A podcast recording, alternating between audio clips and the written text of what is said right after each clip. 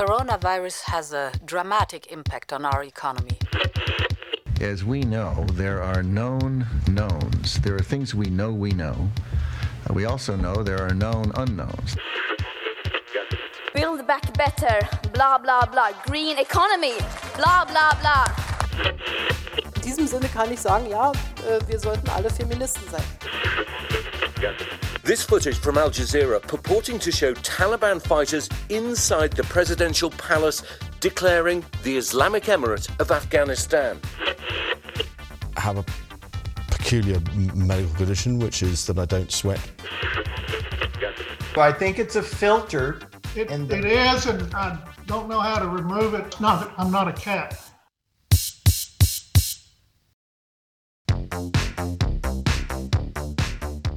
Þú ert að hlusta á heimskviður Í heimskviðum er fjallað um það sem gerist ekki á Íslandi. Ég heiti Birta Bjöstóttir. og ég heiti Guðmundur Björn Þorbjörnsson.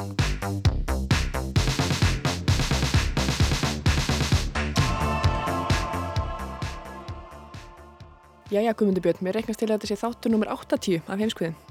Þáttur nummer 80, já, það er ánægulegt og í dag ætlum við að halda áfram að fjallum heimsmálin. Akkurat, við ætlum að fjalla um komandi baráttu um fórsetastólun á Philipsheim í þættinum í dag og mannin sem ætlar að láta af embætti eftir 6 ára skrautlega valdatíð. Fyrirluti þáttarins verður helgaður Rodrigo Duterte fráfarandi fórseta, mögulegum verðandi arftökumans og forverum sem sumur leiði státa af skrautlegri fortíð svo það sé nú pent orðað.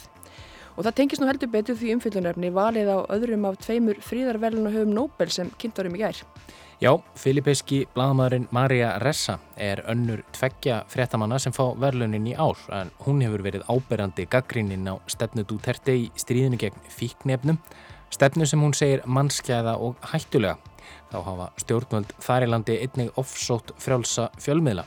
Í viðtali við Björn Malmqvist, fréttamann hér á Rúf fyrir tveimur árum, sagði Maria Ressa að ástandið í stjórnartíð Dutertes væri það versta sem hún hefði upplifað á lungum ferli sem bladamæður. Well, you know, I've been a journalist in Southeast Asia since 1986, so it's been more than 30 years, and I've never lived through anything like this. I've been a war zone correspondent, I've covered nearly every conflict in Southeast Asia, uh, and this is worse than anything.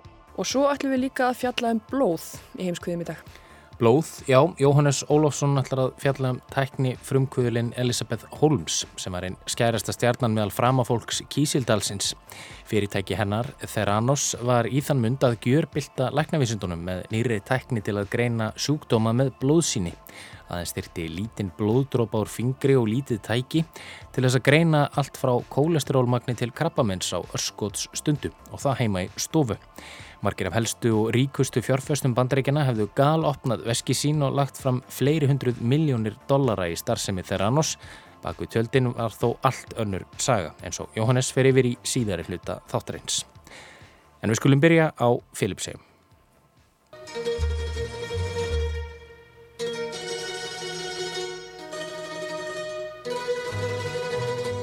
Rodrigo Duterte tilkynnti formlega fyrir vikunni að hann ætlaði ekki að bjóða fram krafta sína aftur í komandi fórsetakostningum í heimarlandinu Filipsei.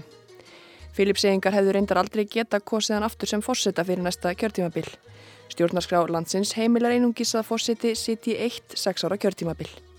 Hinn 76 ára Duterte saðist hins veri í síðasta mánuði áhuga samur um að gegna ennbætti varafórsetar landsins á næsta kjörtímabili. En nú hefur hann bersýnilega skipt um skoðun. Fósitakostningarnar á Filipsheim fara reyndir ekki fram fyrir í mæi á næsta ári. En undibúningur er þegar komin á fullt og þau sem vilja þar vera helstu personur og leikendur eru farin að máta sér hlutverk og melda sér til leiks. Þeirra á meðal er dóttir Dutertes, Sara Duterte Carpio, borgarstjóri Davao sem hefur verið sterklega orðuð við fósitaframbóð, þó hann hafi reyndir ekkert staðfest í þeim efnum sjálf. Stjórnmálaskýrendur vilja því meina að pappi gamli sé einfallega að draga sér hlýja til að veita á dóttur sinni brautagengi. Við fjöllum aðeins nánun um þetta hér aðeins síðar en stöldrum aðeins við ávarp Dutertes þar sem hann kunngjörði ákvörðun sína. Now I'd like to address myself to the entire nation. The universal sentiment of the Filipino Í þessu ávarpi er Duterte í raun að setja þetta upp þannig að þetta sé spurningum frambóð og eftirspurn. Já, einmitt.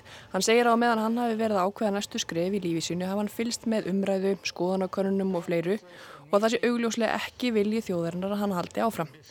Að virðingu við kjósendur sem tryggðunum ennbættið á sínum tíma vilja hann því virða þeirra óski nú og ætla að draga sig úr stjórnmálum.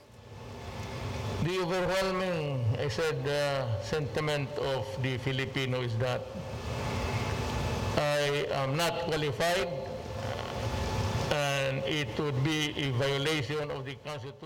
Þetta sagði hann á ennsku í þessu áarpi sem að verðum en kryttar aðeins með takalokk sem er tungumálu sem um fjórðungur íbúa Filips segja eigaða móðumáli en meiri hluti þjóðarna sem annað tungumál.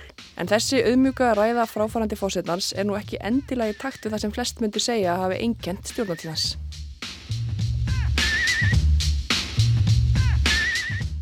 Rodrigo Roa Duterte fættist í mars árið 1945 í borginni Masín á eiginni Söður Leite, einni af þeirra ríflega 7600 eigum sem teljast til Filipsega. Móður hans var grunnskólakennari en fadir hans lögfræðingur sem var síðar ríkistjóri í Davao hér að þeir á eiginni Mindano. Það er einnig borgin Davao þar sem Duterte yngri átti síðar eftir að gegna ennbætti borgastjóra.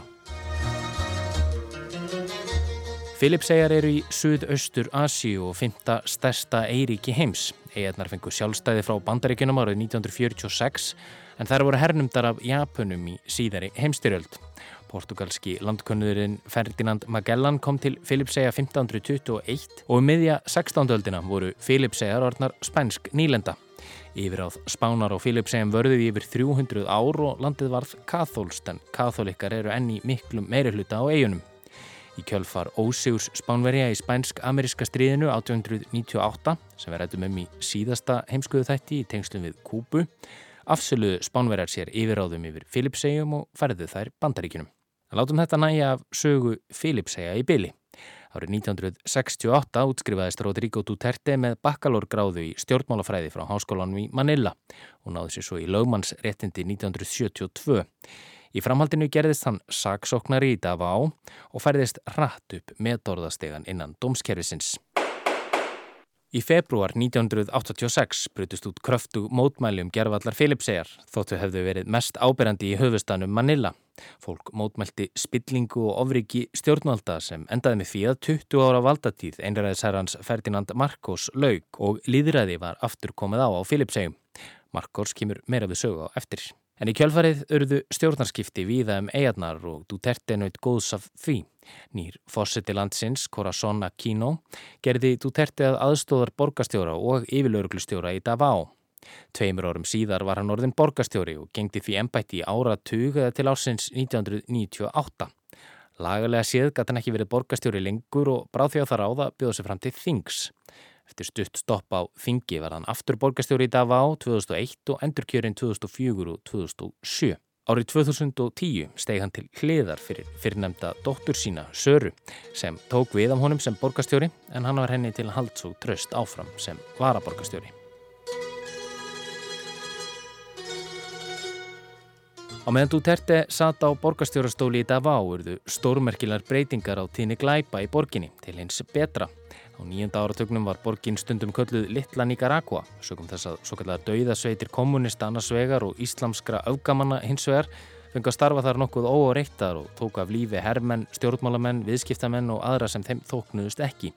Glæpasamtök nýttu sér þá upplust sem myndaðist í kjölfærið og var dafa og allræmt fyrir háa glæpatíðni. En undir stjórn Dutertes var gríðarlega breyting á þessum. Hann umbreytti efnahag borgarinnar og öryggi fólks jógst á svæði sem áður var undirlagt af skæruliðahópum og hverskins glæpahyski. Duterte gerði fríðarsamning við þessar dauðasveitir sem fólst í því að borgin sjálf dafa á við gerð hlutlaust svæði. Uppreistnar sækindir mættu því fara um borgina og í gegnum hana, gegn því skilir við að þeir væru óvopnaðir. En eins vel og Duterte gerði í því að auka öryggi almennara borgara í Davá þessum tíma þá er nú dekkri hliðarnar í stjórnatíðans líklega þekktari. Já, því dauða sveitirnar sem Duterte barðist við sem borgarstjóri verðast nefnilega hafa gefið honum hugmyndum að koma á fót sinni eigin dauðasveit, DTS eða Davá Death Squad. Upphaflega var DTS sett á laginnar til að berjast gegn skærulega samtökum kommunista En með tíð og tíma og með blessund úr tertes fór aðteglin að beinast að þeim sem handhaldi óeskileg. Þátt að reynsa upp Davá og samkvæmt rannsókn Amnesty International tóku döðasveitirnar í Davá yfir 300 manns af lífi á árunum 1998 til 2005. Árunum 2005 til 2008 jökust þessar aftökur svo til muna en yfir 700 voru myrt af dauða sveitunum þar í borga á þessum þremur árum. Mannreittindavakt saminuði þjóðana áallar að fórnarlömpin hafi aðalega verið smákrimar, fíknefnasalar og gödubörn. Oftar en ekki voru fórnarlömpin skotin að færi jafnvelum miðjan dag úti á götu og sjaldan var mikil rannsóknar vinnað baki þessum aftökum. Ef meðlim döðasveitana grunaði eitthvað ólöglegt eftir sér stað var hann með skotlefi.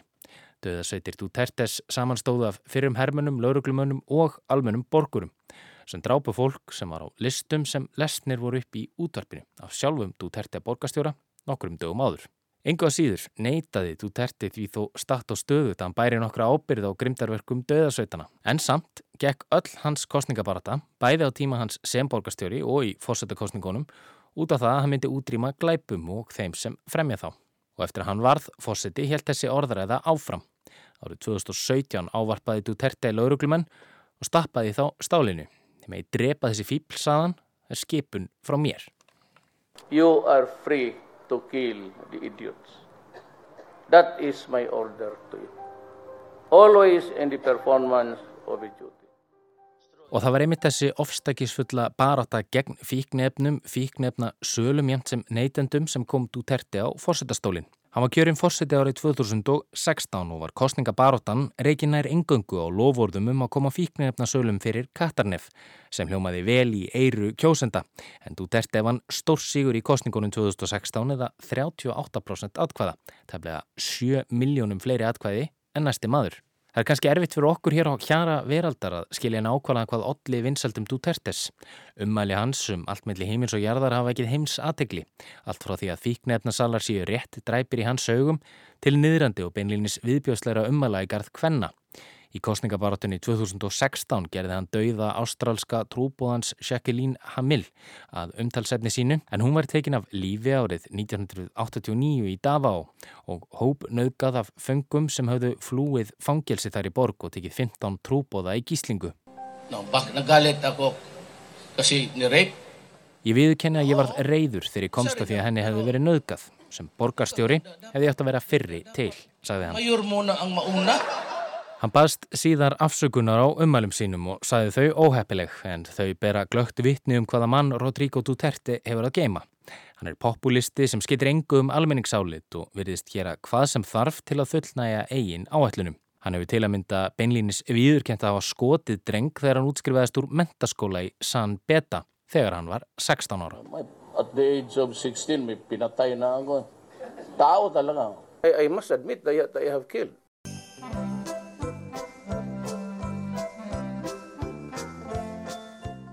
Í jólaávarpi sínu til filipesku þjóðarinnar óskaði Duterte fíknefnaneytendum, glæbamönnum og öðru spiltu fólki gleðilegra jóla sem á öllum þeim sem eru að gera líf Filipseinga óbærilegt.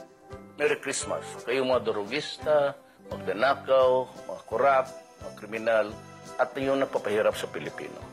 En ef þið viljið ekki hætta og óðbeldi ykkar heldur áfram, þá verða þetta ykkar síðustu gleðilegu jól. Ito na ang huli ninyong Merry Christmas.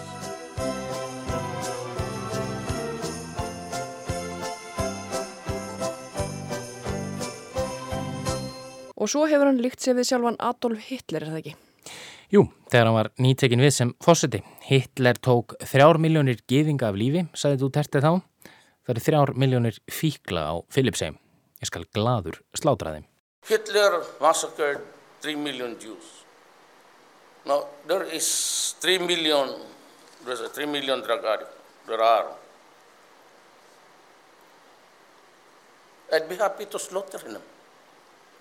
En líkt á Hitler þá vildi Duterte auðvitað gera þetta í þáu lands og þjóðar og bjarga næstu kynnslóð frá glötum. To finish the problem of my country and save the next generation from perdition.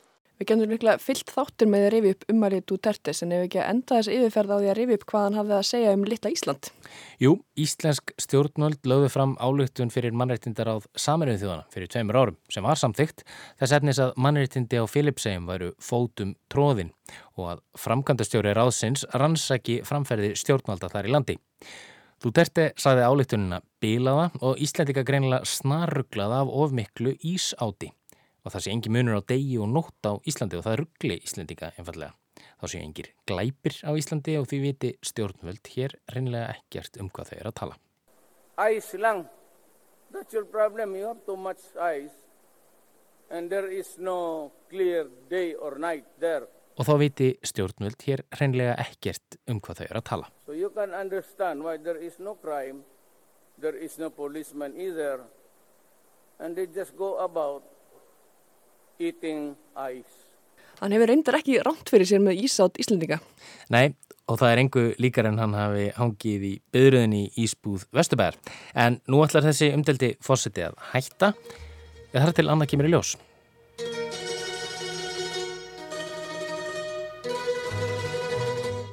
Ólíkt því sem til dæmis týðkast í bandaríkjónum eru fórseti og varafórseti Filipsega kostnir sitt í hverju lægi. Þeir koma ekki í pörum. Þannig getur varafórsetin tilheilt allt tilheilt allt öðrum stjórnmálaflokki en fórsetin en þeim þó gert að vinna saman. Kjörtímabil fórseta tilur 6 ár en varafórsetar með að sitja 2 kjörtímabil. Það er að segja ef kjósendur leifa.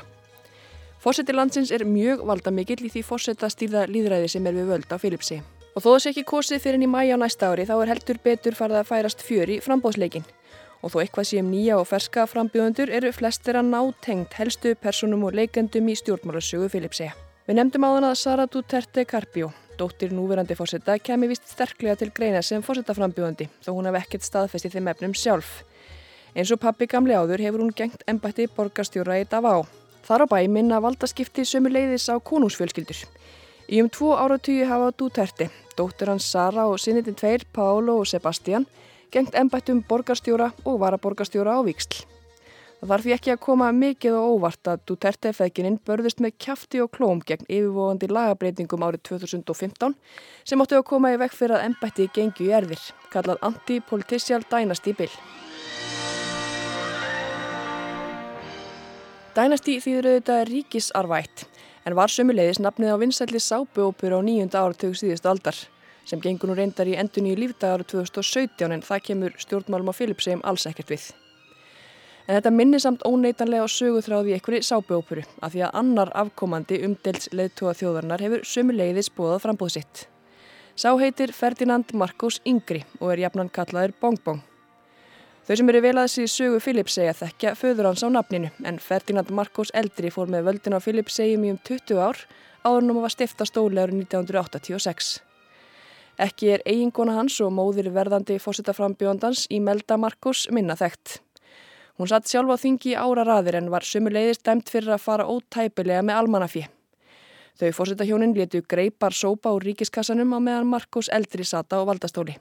Í melda er þó líklega þekktust fyrir gríðastort skósapn sitt sem taldi um 3000 skópur þegar mest létt, segir sagan. Það var á tímum þegar þjóð hennar glýmdi við efnaðastrengingar og óstöðuleika, svo það voru ekki íkja margir sem samglötust yfir skósapni hennar.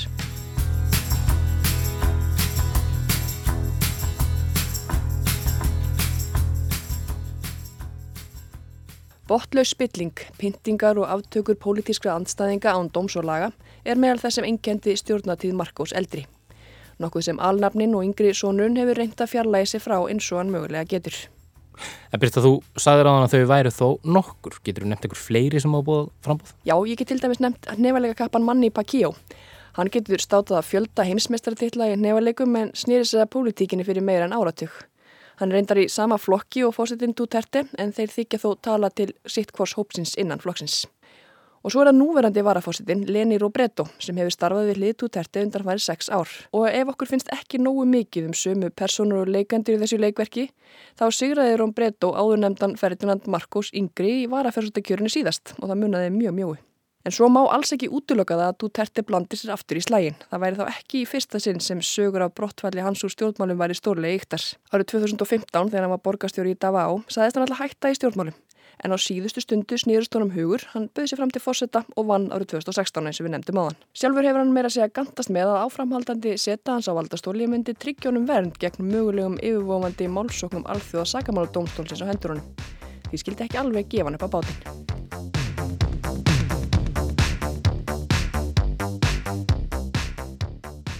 En þá að allt öðru henni umdeldu Elisabeth Holmes og fyrirtækinu Theranos.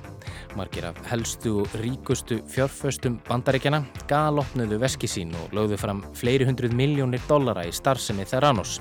En virði fyrirtækisins var á tímabili rúmlega 9 miljardar dollara. Baku tjöldin var þó allt önnur saga. Tækni bilding þegar Anos reyndist vera svikamilla og nú, sex árum frá hátindi sínum, situr Elisabeth Holmes í réttarsal og áður höfði sér 20 óra fangilsistóm fyrir fjársvik. Hvernig að Blacking Holmes gengi svona langt og hvers er að vænta úr réttarhöldunum? Jóhannes Ólafsson tekur nú við. I think absolutely. I think the promise of technology is that we can make access to basic infrastructure and in many cases to more advanced infrastructure than is even currently available today in developed economies available to people who are the most Elizabeth Holmes hefur orðið góðsögn í lifanda lífi. Um árabil var hún umtöluð sem nýjasta resastjarnan í tækniheiminum. Henni var líst sem næsta Steve Jobs og það ekki bara fyrir frama í tæknigeiranum heldur klættist hún líka sama enkjenandi svarta rúlukragaból. Holmes príti forsýður stærstu viðskiptatímarita heims og lísti sjálfri sér sem fyrstu konunni sem varð miljardarmæringur af eigin ramleik. Henni var hampað í hástert af forkólfum viðskiptalífsins þar á meðal af Bill Clinton fyrrum bandaríkja fórsetta á árlegu málþingi Clinton samsteipunar árið 2015. Þar dáðist hann að því hver ung Holmes hefði verið þegar hún stopnaði fyrirtæki sitt, Theranos, aðeins 19 ára gummul. One more fact and then I want to call Jack. You founded this company 12 years ago, right? Yeah. Tell them how old you were. I was 19. yeah. So, don't worry about the future. We're in good hands. It's okay. Já, Bill Clinton var vissum að framtíðin var í góðum höndum vegna Elizabeth Holmes.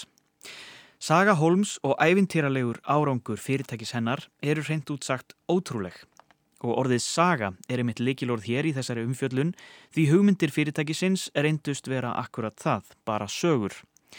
Theranos skilur eftir sig sviðina jörð bæði í heimi læknavísinda og tæknithróunar og stórhópur fjárfesta sittur eftir með sárt ennið. Nú hefst nýrkabli í sögu fyrirtækisins og gerist hann að þessu sinni í réttarsal í Kaliforníu. Holmes er ákerð í tólf liðum fyrir sveik af ímsu tægi og réttarhöldin hafa nú staði í rúman mánuð. Holmes er söguð um að hafa blekt fjárfesta, fjölmiðla, lækna og sjúklinga upp úr skónum um ára byl. En hvernig? Víða hefur verið fjallað ítalega um Elisabeth Holmes og Theranos meðal annars hér hjá Ríkisútvarpinu.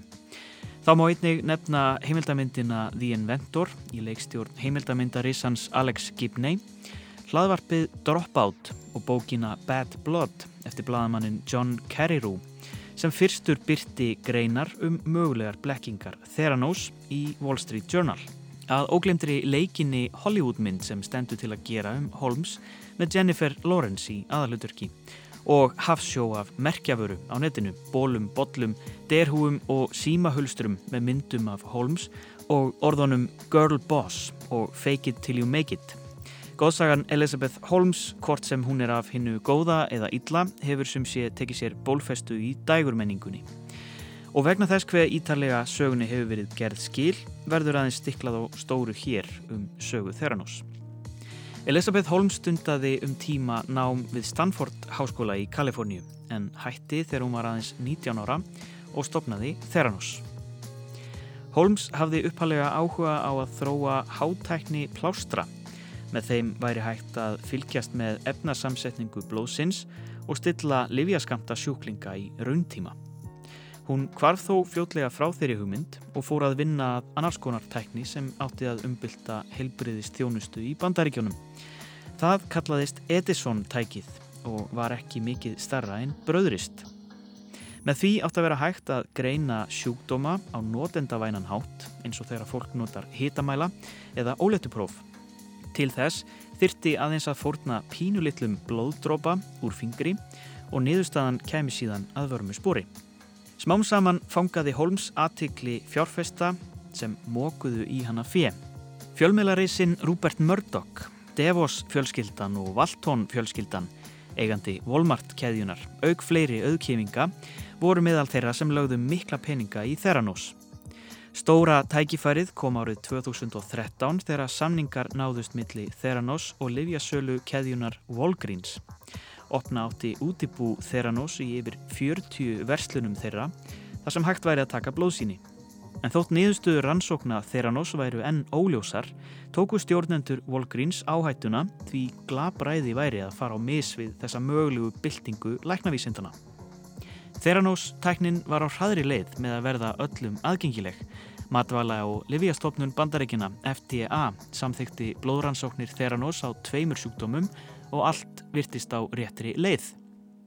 Það var svo árið 2015 þegar tveir profesorar, annar við fyrrum skóla Holmes, Stanford og hinn hjá háskólanum í Toronto byrtu grein í vísindatímaritinu Journal of the American Medical Association Þar kom fram að Theranos hefði aldrei byrt rítrýnd gögn um rannsóknu sínar og fljótlega byrti bladamæðurinn John Carreyrou hjá frettablaðinu Wall Street Journal grein um að rannsóknir Theranos færu í raun fram með hefbundnum gamaldags blóðrannsóknar búnaði og það bak við luktar dyr en að niðurstuður mælinga með Edison tækjónum væru í bestafalli ónákvæmar.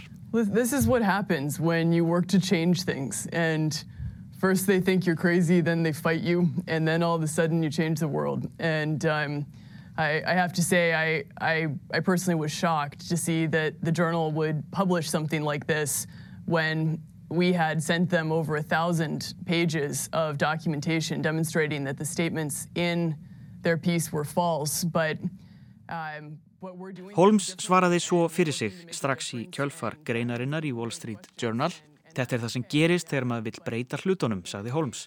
Fyrst halda allir á sért galinn og síðan breytir þau heiminum eins og hendi sér veifað. Hún saðist vera miður síni við greininni í ljósi þess að fyrirtækið hafi sendt þúsundir blaðsína af gögnum sem síndu fram á rángfærslur blaðamanna. Svona byrjaði hrap Theranos. En stoppum aðeins hér. Hvernig fara raunverulegar blóðrannsóknir fram? Og var Holmes í alvöru svona langt frá þessari tækni? Íslefur Ólafsson er yfirleiknir klíniskrar lífefnafræði deildar á rannsóknarkjarna landsbítalans. Já, þetta ferli byrjar í rauninni þegar að sjúklingur leitar til læknis. Hans tekur sjúkrasögu og skoðar sjúklings og myndar sér ykkurs konar álitum það hvað geti verið að sjúklingnum og oft og yðurlega til þess að staðfesta þann grunn að þá eru gerðar blóðrannsóknir af ímsu tægi og það er talað um það að um það byrj 70% af öllum mikilvægum klíniskum ákverðunum sem teknum eru byggjast á rannsóknum af þessu tægi. Sem sagt, þetta er mikilvægur hluti af rannsókninni. Á þessu byggir allt sem á eftir kemur, bæði greining og meðferð. En það byrjar allt á góðu blóðsíni. Sýnið er tekið úr sjúklingi yfir, yfirleitt eh, eftir hvað, hvaða rannsóknir læknirinn vil gera sínið er tekið og uh, síðan er það flutt til rannsóknastofunar til mælinga og uh, þetta ferli þarf að vera tryggt þar að segja að við séum ekki að taka síni úr vittljósum sjúklingi að það verði ekki sínaruglingur og að réttar rannsóknir eru gerðar á réttan hátt og þetta er all langt ferli og, og, og má ekki místakast í neinu þrepi. Tækin sem notuð eru til þess að greina blóðsíni eru mörg og ólík, allt eftir því hvað á að rannsaka. Suma þessum tækjum eru, eru stór og sjálfvirk, önnur eru minna sjálfvirk og vinnahægar. Þetta er, en, en þetta er semst þau, það er mæli aðferð sem þarf til þess að ná, kannu maður segja, niðurstöðu fyrir viðkomandi efni og það getur verið aðeins mismunandi. Ef ég myndi stinga mig núna með nál og það kemur hérna lítill blóðdrópi er eitthvað hægt að lesa úr svona litlu magni? Já, já, það er til dæmis er hægt að uh, rannsaka að mæla blóðsíkurinn það er mjög algengt að fólk sé að gera þetta jáfnvel heima hjá sér, síkursjúkir fylgjast með blóðsíkurinn hjá sér með litlum tækjum mm. það er hægt að gera fleiri rannsóknir með þessu en það er, getur verið óhefnilegt af því að þetta er ekki svona, hvað maður segja, besta síni sem hún færð það er oft til dæmis vefja vögvi sem getur fórið blandast í blóðið það getur verið mjög misjáft hvernig gengur að taka þennan litla blóðdrópa sem við erum að taka þannig að þetta er ekki, það, ekki besta síni sem við fáum besta síni sem við fáum er tekið beint úr bláið En hversu langt var Theranos raunverulega frá því að finna upp svona tækni? Verður þetta einhver tíman mögulegt? Ég treysti mér nú eiginlega ekki alveg til að meta það hversu langt hún er frá því en þetta gekk ekki upp og, og það er náttúrulega grav alvarlegt þegar menn eru að bjóða sjúklingum og læknum upp á þjónustu sem þeir get ekki staði við. E eitt það mikilvægast að við starfsum okkar það er gæða eftirlit þar að segja að fylgjast með það að sínin séu, hvað mór að segja, við séum að gema út sömu niðurstöður að svipa rannsóknir fyrir, fyrir hérna, all, öll þau efni sem við bjóðum upp á og þess vegna höfum við það sem heitir innra og ytra gæða eftirlit með öllu sem við gerum. Þannig að hvað mór að söldin séu alltaf eins það við séum ekki að mæla mismunandi frá degi til dags. Þetta var nokkuð sem að hún gæti ekki uppfyllt með þeim tækjabúnaði sem var. Og mér skilst að hún hafi notað hvað maður segja tæki sem að gömul tæki, gömul og gammal reynd tæki bak við luktardyr en til þess að geta gert þetta þá þurftum að þinna þessi litlu síni sem við varum að taka og þegar við erum búin að þinna síni mikið þá eigur um möguleikan á skekkju og margvaldar hann upp með þinningu sína. Í þessari stuttu yfirferð yfir feril Theranós hefur enga líf Elisabeth Holmes ekki komið til frásagnar Það skiptir þó ekki síður máli fyrir gang málsins í réttarsal. Maður er nefndur Ramesh Balvani, kallaður Sunny.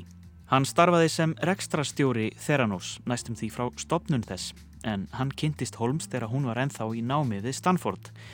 Balvani er 19 árum eldri en Holmes og var metnaðarfullur í tækni heiminum á sínum tíma. Starfaði meðal annars hjá Microsoft. Samband Holmes og Balvani var þó ekki aðeins vinnutengt. Þau áttu í leinilegu ástarsambandi á árunum 2014 og 2015. Í réttarhöldunum sem nú standa yfir hafa skilabóðmiðli Balvani og Holmes verið lögð fram sem sönnunargögn. Þar byrtist Holmes sem metnaðarfullur forstjóri og hörð í hornað taka. Hér eru dæmi um skilabóð þeirra á milli. Mitt nýja líf frá og með þessu kvöldi.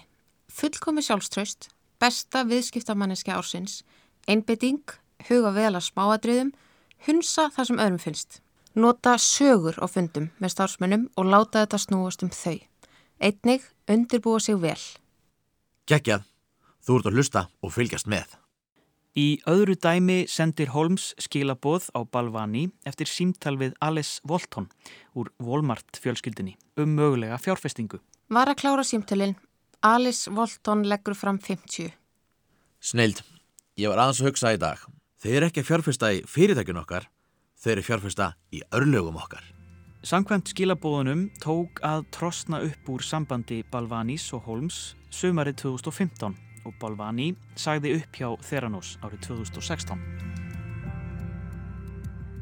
Ímynd Elizabeth Holmes fyrir Theranos neykslið var ímynd hins framagjarna frumkvöðuls og snillingsins sem ekkert fær stöðvað við að láta draumsinn rætast og breyta heiminum, jafnvel þótt á móti blási. Við réttarhaldin hafa dagbókafærslur Holmes vakið aðtikli sem stiðja þær hugmyndir um að Steve Jobs hafi ekki bara verið innblásturinn að svarta rullukragabólnum sem Holmes klættist yðurlega heldur einnig hugmyndum hennar um stjórnun og rekstur. Og þessi ímynd laðaði að sér starfsmenn Adam Rosendorf var eitt þeirra. Hann starfaði sem yfirmaður rannsóknadeildar Theranos á árunum 2013 og 2014. Hann tók til starfa í góðri vonum að fyrirtækið yrði næsta Apple. Rosendorf bar vittni í sex daga og er líklega eitt mikilvægasta vittnið fram að þessu. Hans vittnisspurður var afar tæknilegur en samkvæmt honum hafði hann miklar áhyggjur af því að rannsóknir blóðsína tækninar væru skamt á veg komnar. Því varaði hann við því að samningurinn við Volgríns tæki gildi, niðurstöðuna væru enn óáreðanlegar. Rósendorf segist í veitnaleðslu hafa verið undir gríðalegri pressu að sína fram á að tæknin virkaði og að það hafi verið eins og tala fyrir daufum eirum, þar á meðal eirum Holmes, að lýsa yfir evasemdum. Í vitnaleðslunni nefndi hann einstök dæmi af sjúklingum sem leituðu til Theranos en fengu skakkar niðurstöður úr blóðsínum. Í þó nokkrum tilfellum hafi það bæði leitt til rángrar sjúkdómsgreiningar og rángrar meðferðar. Lögmenn Holmes bentu þó á að Rosendorf hefði borið fulla ábyrð á tilraunastofunni og gæðum þess sem frá henni kæmi. Hann hafi sjálfur ráðið starfsfólk sem einnig hefði átt að vera meðvitað um gangmála. Einnig bentu þeir á að Holmes hafi sjálf verið ung og reynslulus og verið ófærum að meta vísindarlegar forsendur rannsóknuna.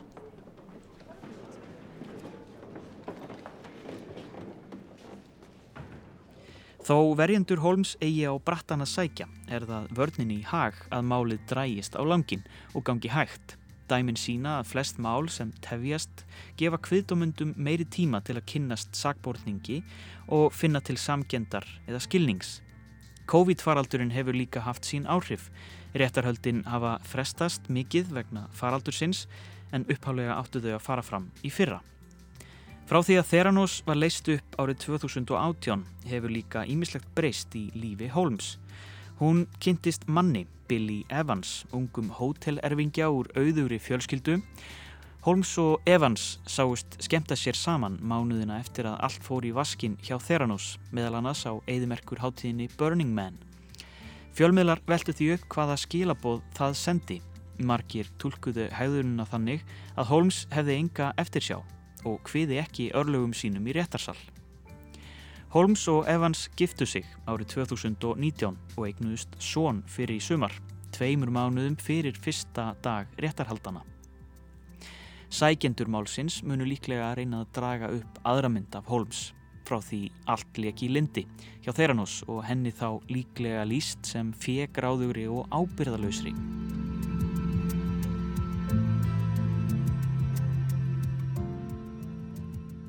Áður en spilaborgin tókað hrinja var sagan af Elizabeth Holmes dæmigerð saga um ameríska draumin í Kísildalnum. Þarna var á ferðinni kornung kona með háleit markmið sem let ekkert stoppa sig við að skara fram úr, vera brautriðandi og miljardamæringur. Holmes vissi nákvæmlega hvað þyrti að gera til þess. Framkoma hennar var útpælt og vakti mikla aðtikli. Svarti rúlukrægin, djúpa röttin og ástriðan í viðtölum. Þetta allt fleitinni áfram og fjárfestarnir fylgdu á eftir. Því þetta er jú það sem verðt er að fjárfesta í, næstu stórstjörnu og næstu tæknibildingu. Og sá sem getur selt það vekur sjálfkrafa viðbröði í kísildalnum. Það er ef til við það sem þessi réttarhöld munu leiða í ljós. Hvort viðhorfið fake it till you make it sé í raun samfélagslega hagkvæmt að þykjast vita hvað þú ert að gera þanga til hún nær langt. En Theranos var fyrst og fremst kert áfram af leindarhyggju. Örfáir vissu hvernig í pottin væri búið í sjálfum rekstrinum og starfsmenn sem unnu að einu verkefni höfðu ekki hugmyndum hvað næsti starfsmæður var að gera. Holmes helt því alltaf fram að rannsóknir Theranos yrðu að lúta viðskiptalind til þess að samkeppnin myndi ekki eidilegja þeir. Lögfræðingar hennar voru í stöðugum fimmlegum til að gera henni kleift að viðhalda lendinni.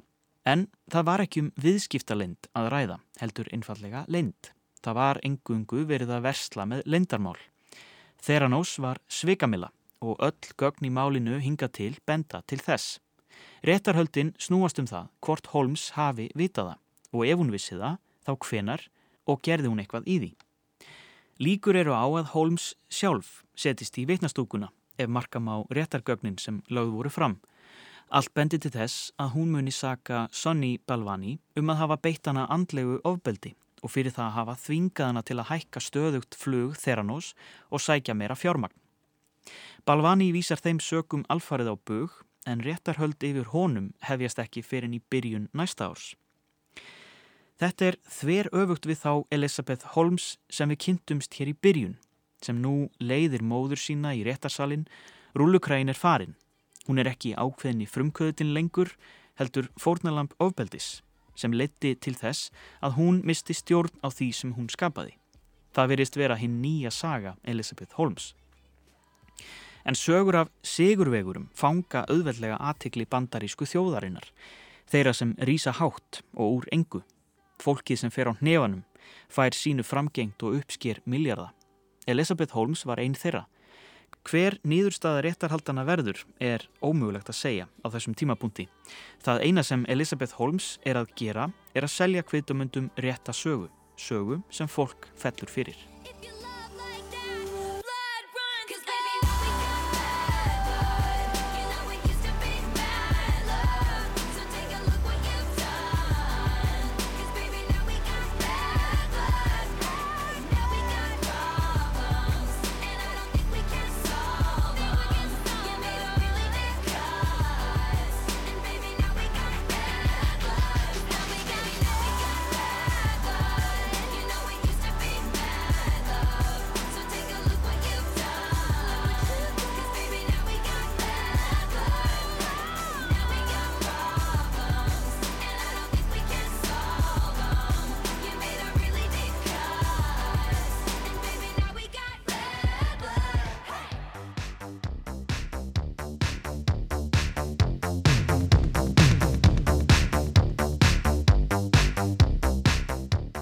Heimskuður verða þá ekki fleiri þessa vikuna.